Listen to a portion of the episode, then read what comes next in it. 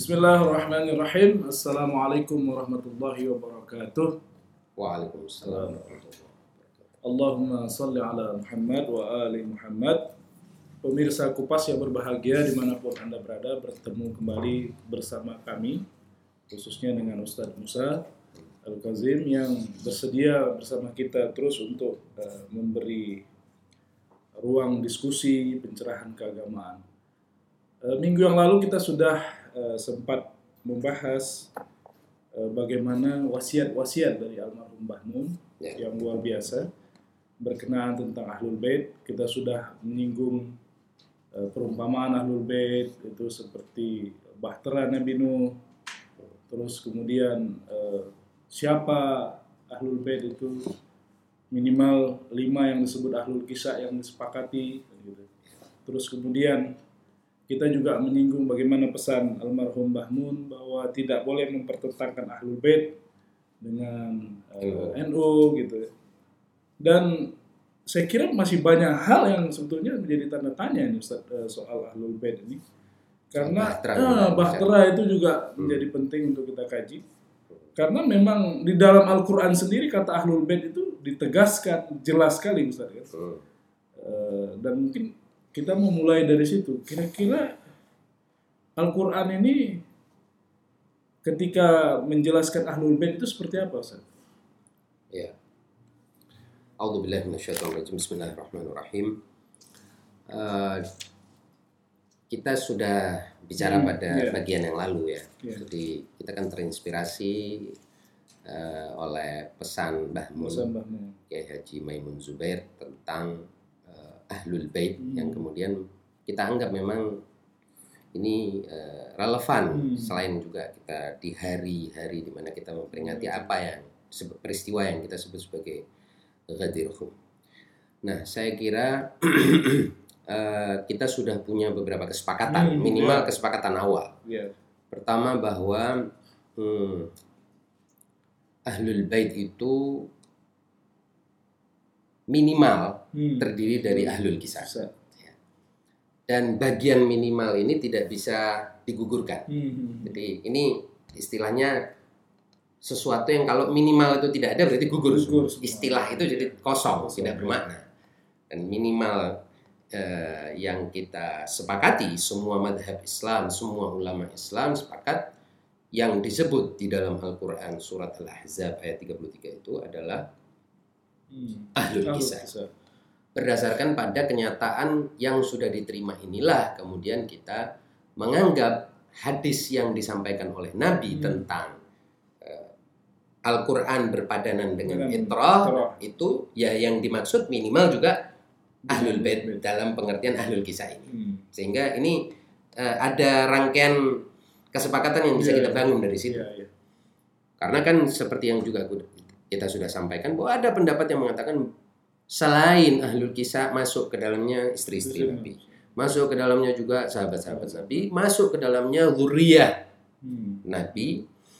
Eh, lalu bukan hanya zuriyah, masuk ke dalamnya Quraisy secara keseluruhan, ya kan? Makanya kita tahu misalnya Bani Abbas itu mengklaim iya. diri sebagai bagian dari ahlul bait. Ahlul Bait, iya. Berdasarkan apa? Berdasarkan pada eh, hubungan dia dengan Quraisy, artinya dari suku Quraisy. Hmm. Dan kemudian ada hadis-hadis yang menunjukkan bahwa khalifah dari Quraisy itu Iya. maksudnya ya masuk di dalam kita juga iya, kata iya.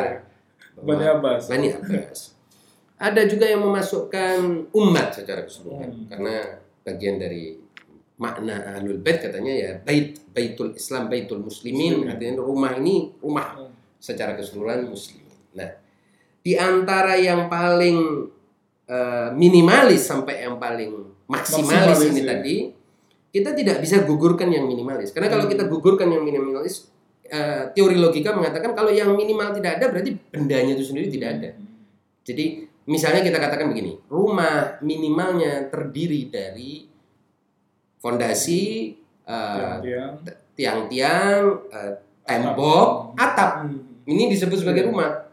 Perkara di dalamnya terdiri dari 5 kamar, 10 kamar, eh, ada meja makan atau ini itu aksesoris-aksesoris yang makin maksimal Iya. isinya makin mungkin malah bisa keluar dari konsep rumah tapi maksudnya yang tidak boleh tidak ada Hmm. dari sebuah bangunan rumah adalah hal-hal berikut ini.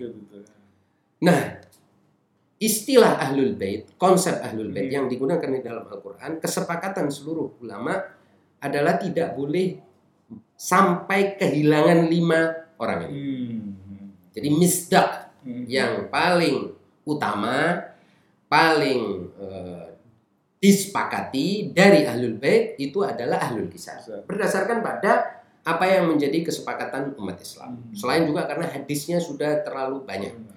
Eh, dan Rasul Shallallahu Alaihi Wasallam dalam riwayat disebutkan bahwa sejak turunnya ayat eh, tadhir ini Hmm. Eh, surat Al-Ahzab ayat eh, 33 ini Hmm. beliau selalu atau sering ke rumah Sayyidah Fatimah dan Hmm. mengetuk untuk mengajak sholat ya ke rumah Hmm. Imam Ali dan memanggil mereka as-salah as-salah ahlul bait Ya. inna ma yuridullah dan membacakan ayat ini dan itu berulang-ulang sehingga eh, tersiarlah Hmm. bahwa ahlul bait itu adalah eh, mereka ini. Oke. Selain juga ada hadis Musalamah yang juga Hmm. ketika Nabi meng, apa namanya ketika ayat itu turun Nabi meng, apa meng- Kain kisah itu. Iya, me- uh, menebar ya, menyelimuti uh, dirinya dan kemudian masuk secara berurutan uh, ahlul Oke. kisah ke dalam uh, selimut itu tadi atau kain itu tadi Uh, dan itu disaksikan oleh uh, Musalamah dan yang lain-lain yang intinya memperjelas apa yang kita sampaikan Hmm. bahwa ahlul kisah adalah bagian utama dari ahlul. Oke. Ini yang kita sepakati kemarin. Nah, berikutnya Hmm. memang adalah apakah kalau yang lain-lain masuk? Hmm. Nah, Ya, itu dia problem. problem dengan susunan Al-Qur'an ini atau Hmm, tidak? Hmm. Apakah ketika Allah mengatakan innama yuridullah sesungguhnya Allah menginginkan untuk mensucikan Hmm. kalian ahlul bait sesuci-sucinya ini Hmm. kalau yang lain-lain masuk kemudian ayat ini jadi tidak Hmm. Bermakna Oh, no. atau jadi Iya. maknanya susah untuk di untuk dipahami. Suci bagaimana se- semua orang suci ini bagaimana? Semua umat suci ini Iya. seperti apa? Kemudian kesucian ini mencakup apa saja? Nah, ketika itu terjadi berarti Hmm. ada sesuatu yang harus kita batasi. Iya. Kalau tidak kita batasi, maka makna kesucian itu jadi juga tidak terbatas. Hmm. Dan sesuatu yang tidak terbatas itu tidak bermakna. Pak. Iya, iya, betul. Makanya dalam istilah Hmm. mendefinisikan sesuatu itu artinya to Membatasi, define, ya. ya membatasi. Iya. Mendefinisikan sesuatu artinya kita membatasi makna Hmm. supaya makna ini tidak nyampur dengan makna yang lain. Hmm. Jangan sampai kemudian makna ini tidak kita batasi, Iya. akibatnya bercampur bahkan dengan lawan katanya Iya, iya, betul. atau konsep eh, kebalikannya yang akibatnya tidak bermakna. Hmm. Itu kan dalam kaidah logika Iya. oleh sebab itu tahdid atau ta'rif ya atau definisi sesuatu bahkan dalam bahasa Indonesia kan definisi itu artinya batasan. Hmm. Definisi sesuatu artinya batasan sesuatu. Kenapa ada batasan? Ya, memang supaya bermakna, Hmm. supaya bisa dipahami oleh manusia. Ini problem pertama. Hmm. Kalau tidak ada batasan, arti harfiah dari ayat itu tadi akan tidak bermakna. Hmm. Kesucian buat Hmm. semua orang ini. Apalagi kan di situ Termasuk umat tadi ya. termasuk umat, Iya. termasuk semua orang suci kan menjadi Iya. problem. Jadi problemnya itu akan muncul dari ayat itu sendiri. Iya. apa konteks ayat itu sendiri. Hmm. Ini akan muncul dari situ tanpa mempedulikan hadisnya Iya, apa- iya, iya. itu terserah seperti Iya, itu. iya. Nah, pertanyaan selanjutnya, apakah kalau yang lima ini tadi Hmm. Kita lihat dalam eh, apa sejarahnya Hmm. masuk dalam mereka yang tersucikan dan tidak ada apa noda dan tidak punya ke Salah. kelemahan, kesalahan dan lain sebagainya dan dengan demikian mereka layak menjadi apa misdak Hmm. eh, sebagai apa manifestasi dari ayat ini. Nah, Ya. di sini Iya.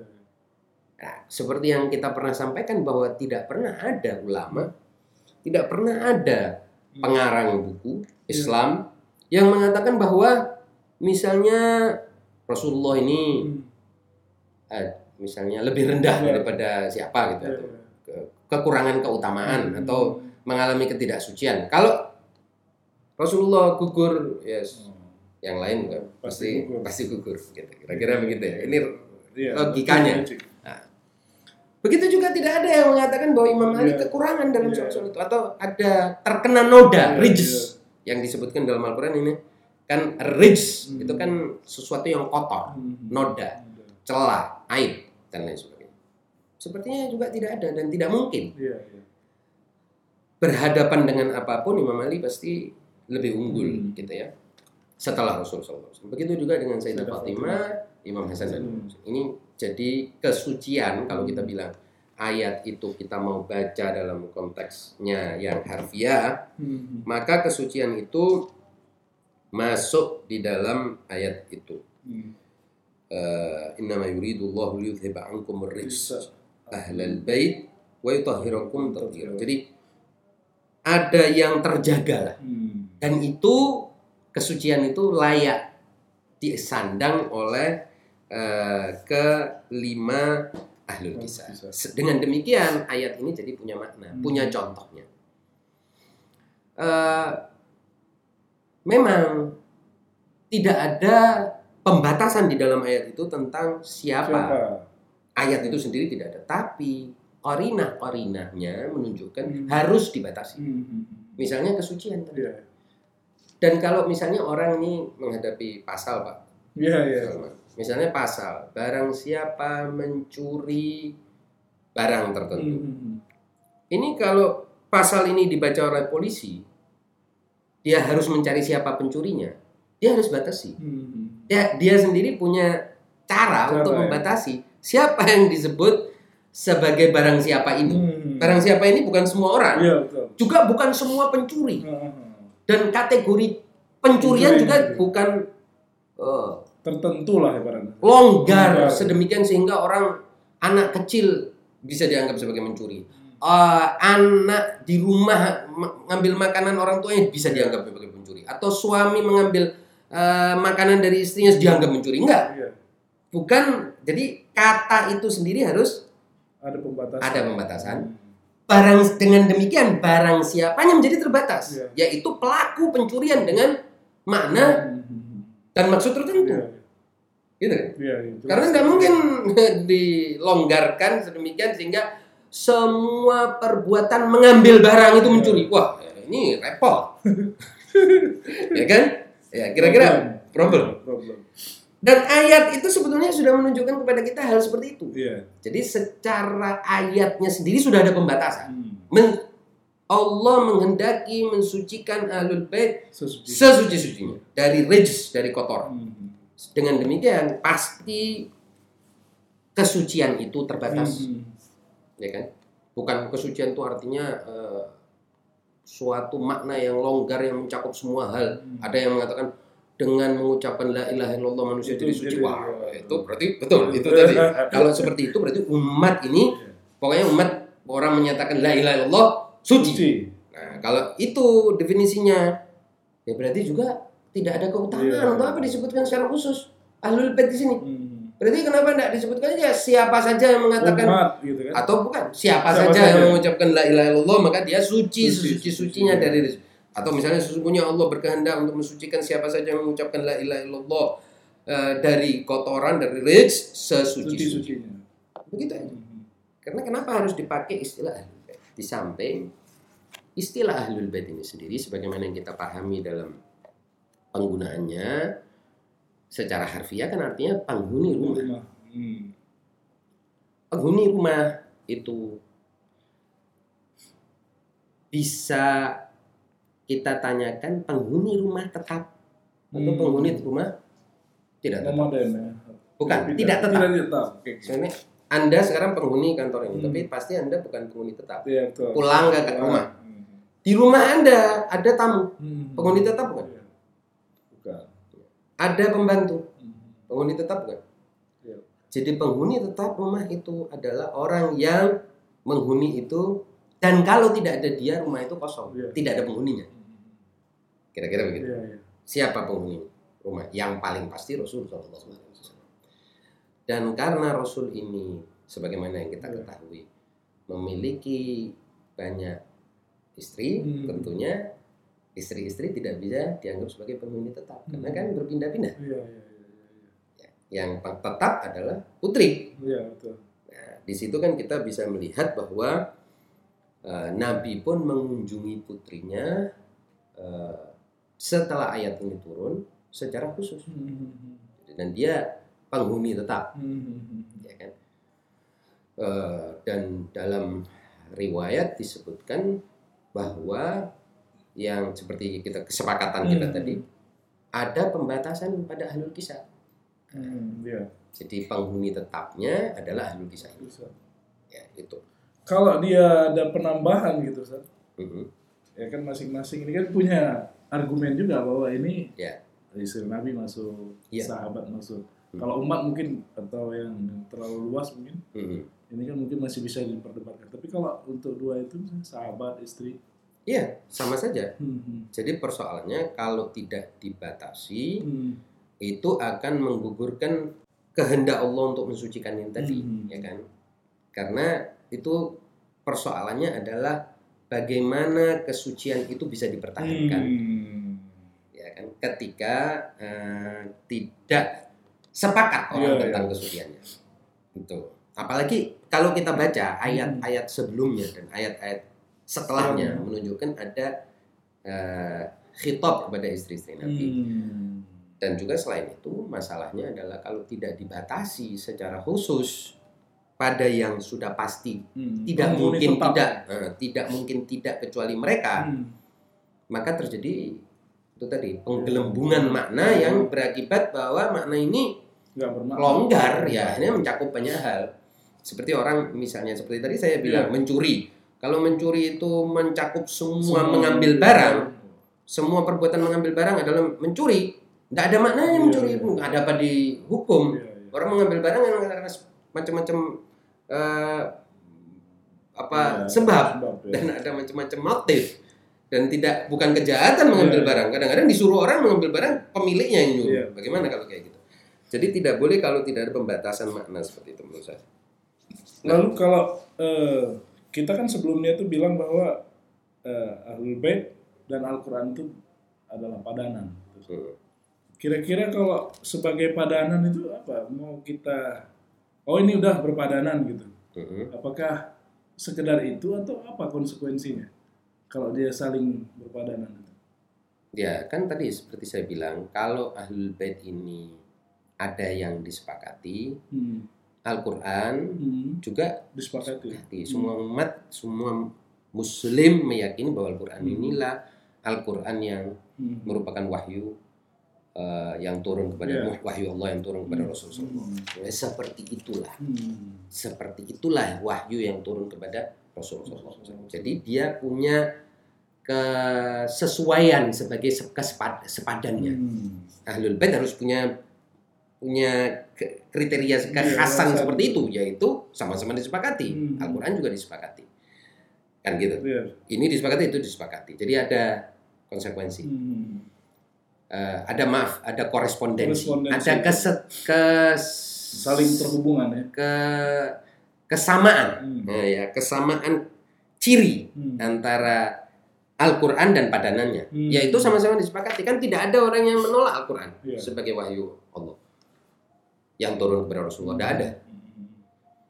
Ada orang yang mengatakan bahwa sebagian orang menolak karena ini tahrif itu omongan selain tidak apa namanya tidak jelas Hmm. juga yang menyatakan seperti itu sangat kecil Hmm. jumlahnya dan tidak ber eh, tidak bisa dianggap sebagai Jumhur eh, gitu. ya. bukan bahkan se- minoritas pun Minoritas minoritas sangat juga. minoritas gitu Oke. terlalu sedikit dan tidak ada sebetulnya itu pun mereka sendiri kemudian menyatakan bahwa itu takwilnya adalah A B C D E dan Oh. lain sebagainya ada takwil Takwil, takwilnya takwil. Lalu Ustaz kalau ada Ahlul Bait dan ada Al-Quran saling berpadanan, kira-kira sekarang ini umat Islam mel- melihat ini dua ini seperti apa ini Ustaz? Nah, jadi begini, Salman. Kita ini kan mengikuti Al-Quran. Semua orang Iya. kan menganggap mengikuti Al-Quran. Begitu juga semua orang menganggap mengikuti Ahlul Bait. Iya. Cuma masalahnya yang problem adalah yang mengklaim Hmm. mendominasi Iya, Al-Quran Oke, oke, oke. dan menyatakan bahwa yang lain tidak mengikuti. Hmm. Itu juga sama problemnya orang mengatakan hanya kami yang mengikuti Ahlul Bait, Iya. orang lain tidak mengikuti. Itu problem. Jadi problem ini pada klaim, Klaim. atas eks, hak eksklusif. Hmm. Ini problem. Seperti orang mengatakan begini. Menurut saya secara eh, akal, kalau kita sudah menerima sesuatu, tidak perlu ada pemaksaan untuk menerima lagi. Hmm. Sudah menerima kok. Hmm. Kan gitu. Sudah menerima Al-Quran sebagai Al-Quran. Sudah. Terus apa? Hmm. Problemnya kan ada yang menganggap bahwa selain menerima, Anda harus mempraktekkan. Nah, Ini pertanyaannya adalah Anda sendiri yang punya hak untuk memaksa orang mempraktekkan ini atau ini datang dari mana? Ah, iya, itu. Hak untuk menegakkan ini. Iya. Nah, itu kan yang bikin sebagian orang kemudian sensitif peka terhadap persoalan misalnya NKRI Prinsip bersyari- bersyariah atau syariatisasi ini syariat itu kan Hmm, takut begitu iya. juga. Saya kira hal yang sama juga berlaku bagi orang yang menganggap sebagai mengikuti ahlul bait. Hmm. Jangan paksa orang juga untuk mengikuti sesuatu yang mereka sudah nyatakan Iya. patuh. Mereka sudah katakan oke hormat. Hmm. Bahkan yang menarik itu saya bilang Iya. Kit- saya pernah meng- me- apa namanya membaca sebagian kitab seperti Ibn Hajar, Hmm. bahkan orang seperti Ibnu Taimiyah atau orang seperti Al Alusi yang dianggap sebagai Hmm. salah satu ulama salafi yang terkenal. Mereka bukan mencerca ahlul baitnya tapi mencerca mereka yang mengklaim mengikuti. Hmm. Kenapa? Karena klaimnya mau dieksklusifkan untuk si pengklaim. Hmm. Nah, ini problem. Iya. iya. Nah, saya kira begitu. Jadi ahlul bait ini adalah sesuatu yang ada di dalam Al-Quran. Hmm. Jadi nggak mungkin orang mau membantah ini. Iya. Cuman bukan eksklusif Hmm. milik golongan tertentu. Justru tidak ada orang yang bisa bilang saya lebih dekat ke ahlul bait daripada yang lain. Hmm. Kalau ada klaim seperti itu, ini klaim sama seperti orang mengatakan saya lebih dekat ke Al-Quran. daripada orang lain. Jadi sama-sama klaim yang berbahaya dan mengancam yang lain dan mentakfirkan yang lain, menganggap yang lain keluar dari wilayah yang sudah disepakati oleh semua ini. Nah itu. Di Masing-masing di ekstrim-ekstrimnya gitu ya. Nah, jadi di sini harus waspada Hmm. karena kan kita berangkat dari pesan Mbah Maimun yang menyatakan jangan dibenturkan karena ka- benturan itu tidak akan terjadi kecuali ada yang menganggap itu adalah hak eksklusif mereka. Hmm. Al-Quran saya saja yang mengikuti Al-Quran. Wah, orang lain bilang saya juga mengikuti Al-Quran. Enggak, kalau anda mengikuti Al-Quran pakai cara saya. Wah, ini sama seperti ini. Ahlul Bait adalah milik saya. Ya. Kalau kamu mengikuti Ahlul Bait pakai cara saya, di situ terjadi pasti persoalan Soal- besar. Itulah awal dari tamadhub Hmm. munculnya sektarianisme Hmm. sesuatu yang sudah diakui ada di dalam Al-Quran kok diklaim secara eksklusif milik eh, Tertentu, kelompok itu. tertentu. Maka dari situ kemudian timbul berbagai kritik Hmm. terhadap siapa pun yang mau memegang hak eksklusif ini tadi. Yang tidak boleh dipegang oleh siapa pun. Karena ini milik seluruhnya. Hmm. Ini kan karunia Allah untuk semuanya. Al-Quran karunia Allah untuk seluruh eh, umat manusia. manusia. Begitu juga Ahlul Bait Hmm. sebagai contoh kan Al- Al-Qur'an kan perlu contoh, Iya. perlu perlu misdak yang ya. paling jelas apa? Misdak ini perlu peraganya, Hmm. perlu contoh, konkretnya. konkretnya. Apa yang siapa yang bisa menerapkan seluruh isi Al-Qur'annya? Mereka ini. Hmm. Siapa yang bisa dianggap sebagai paling mewakili Al-Qur'an? Mereka ini, kan gitu. Iya, iya. Maka jangan diklaim milik eksklusif kelompok tertentu. Hmm. Seperti Al-Qur'an juga jangan diklaim Milik eksklusif tertentu. Nah, hak eksklusif kelompok tertentu kalau sudah di diklaim sebagai hak eksklusif otomatis akan memunculkan kecurigaan, keterancaman dan perlawanan atau penentangan dari yang lain. Karena itu ingin dianggap milik semua gitu. Itu yang menurut saya. Itu problemnya apa Ustaz? Sehingga orang harus apa punya seperti seakan-akan hak eksklusif gitu ya. Apa pandangan-pandangannya kah apa Jadi cara memahami kadang kan orang ini ingin menerapkan keseluruhannya. Hmm. Jadi ada pikiran bahwa oke, ini Al-Qur'an sudah disepakati semua orang. Hmm. Oleh sebab itu, semua orang harus menerapkannya dalam seluruh eh, apa namanya gerak-geriknya, dalam seluruh kesempatannya, Hmm. dalam seluruh dimensi kehidupannya. Al-Qur'an ini ya dan tidak boleh keluar dari situ. Katakan orang sepakat. Iya. Oke, sepakat. Saya mau mengikuti Al-Qur'an 100%. Hmm. Tapi saya mau mengikuti bukan dengan cara kamu. Nah, Ya. bagaimana kan gitu? Begitu juga dengan ahlul bait. Hmm. Jangan ada orang yang mengatakan, ayo ini ahlul bait kan ada di dalam Al-Quran. Telah disucikan sesuci-sucinya. Dan mereka ini nama-namanya sudah jelas. Orang-orangnya jelas. Jelas. Yuk ikuti mereka dalam seluruh tingkah laku kita. Pikiran kita, sikap kita, gerak-gerik kita. Seperti mau saya. Oh. Nah, atau dengan cara saya mengikuti mereka dalam segala hal. Ini pasti menimbulkan ancaman. Dan menimbulkan penolakan, resistensi. Iya, iya. Sama. Oleh sebab itu, hati-hati dalam soal klaimnya. Hmm. Adapun kita sama-sama mencoba mengikuti, nah itu beda. Hmm. Kita kan tidak mengklaim hak eksklusif, menafsirkan penerapannya atau eh, kepatuhannya. Jadi kita tidak menjadi hakim di sini. Iya, iya, iya. Anda yang kurang dalam menjalankan Al-Quran. Anda kurang mencintai Ahlul Bait, Anda kurang begini, Anda itu bahaya. Iya. Itu sama seperti orang-orang yang menganggap Khawarij itu. Iya. Akhirnya kita dan Khawarij secara berpikir Sama. sama. Lah bagaimana Khawarij bisa bilang sama Imam Ali Anda tidak menerapkan Al-Quran? Nah, Imam Ali ini perwakilan paling resmi dari Al-Quran. Ini cara berpikir Iya, yang iya. berbahaya. Hmm. Begitu juga jangan ada orang yang mengira bahwa dia lebih Hmm. mengikuti Ahlul Bait daripada yang lain. Siapa yang bilang? Hmm. Iya, iya. Orang akan bilang siapa yang bilang begitu? Kan gitu. Orang akan bilang Anda Anda ini orang baru lahir kok. Tiba-tiba Anda bilang "Eh, Anda lebih hebat dalam mengikuti Ahlul Bait. Di mananya? Orang buktinya hidup Anda ini berantakan. Nah, Hmm. jadi menimbulkan konflik, menimbulkan saling menilai, saling memantau, saling mengklaim. Dan awal dari perpecahan. Hmm. Saya kira di situ persoalan. Kalau kita kembali ke Bahmun, kayaknya kan dia mau membuat itu seperti cara berpikir eh, kalimat yang sama. Iya, nah saya kira itu yang memang mengapa kita harus sampai kepada kesimpulan pesan Mbah Maimun itu untuk mengatakan ini loh ada sosok-sosok ahlul bait Hmm. yang kita semua ini wajib mengikutinya Hmm. Iya, iya. dan memang semua umat Sepakat. sepakat Hmm.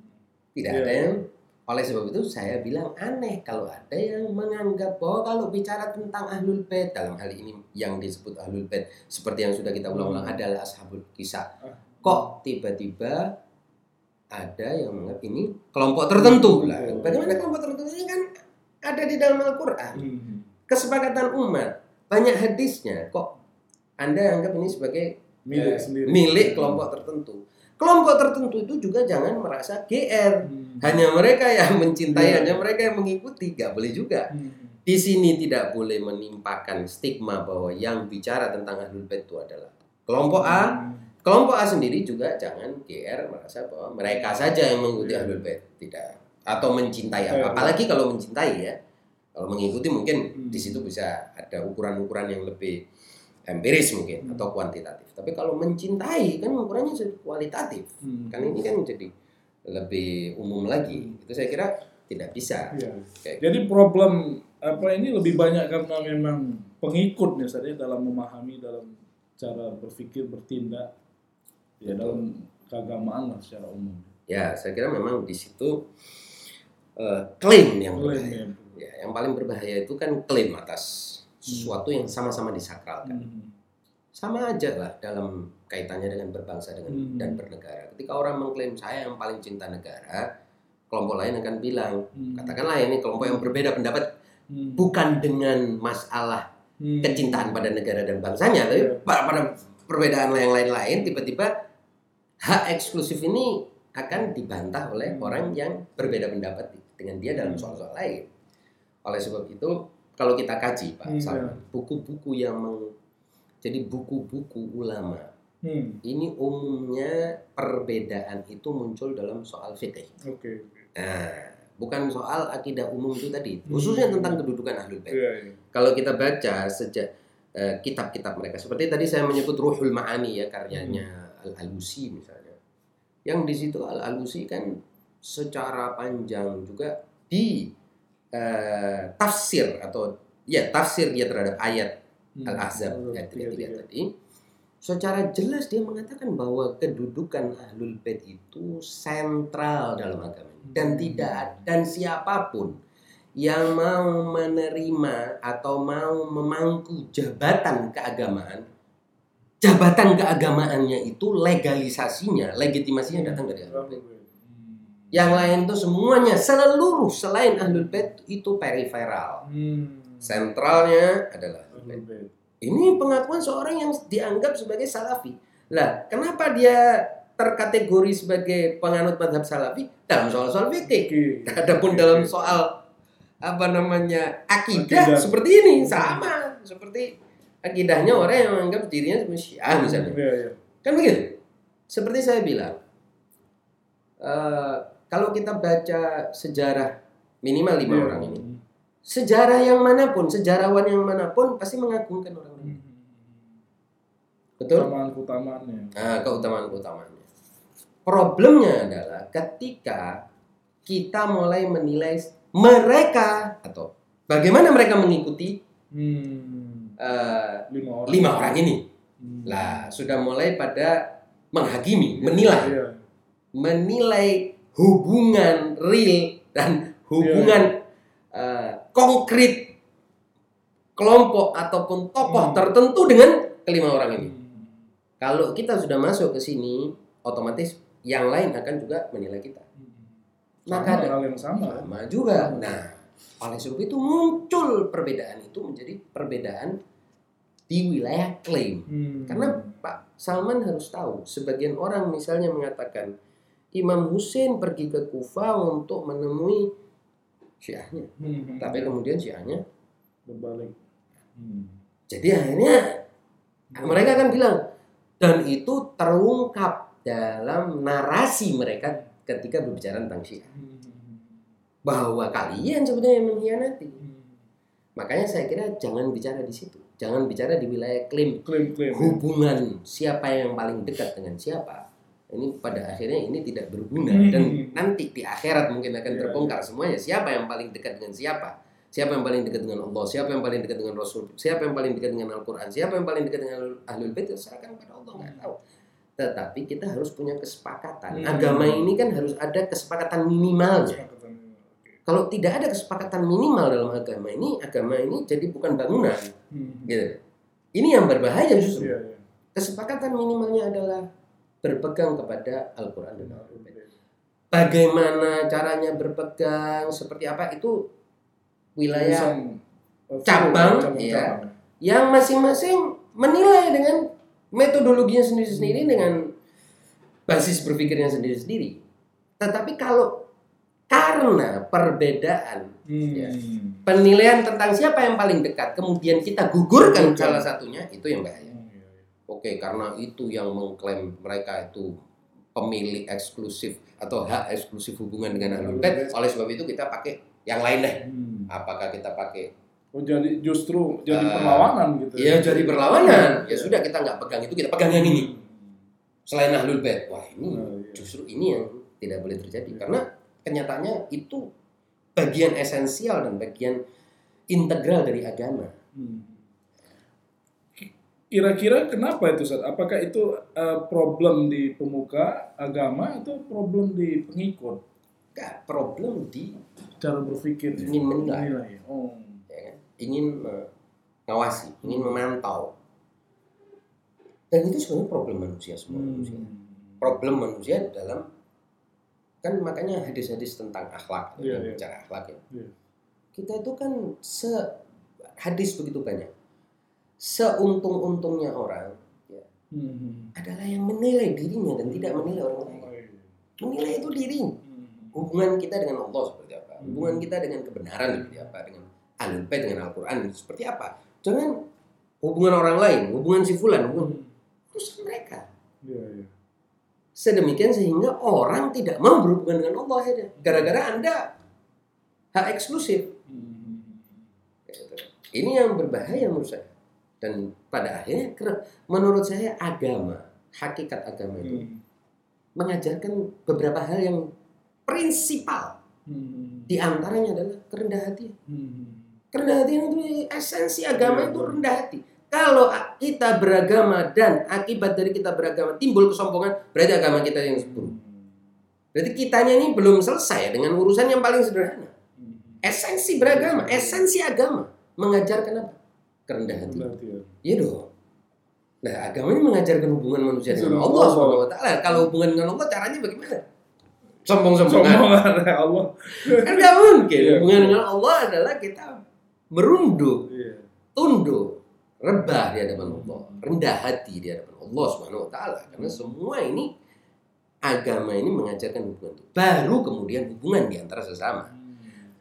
Karena sesama ini tadi refleksi dari Allah Subhanahu wa taala, manifestasi tajalli dari Allah Subhanahu wa taala, maka kita merendahnya itu juga karena merendah kepada Allah.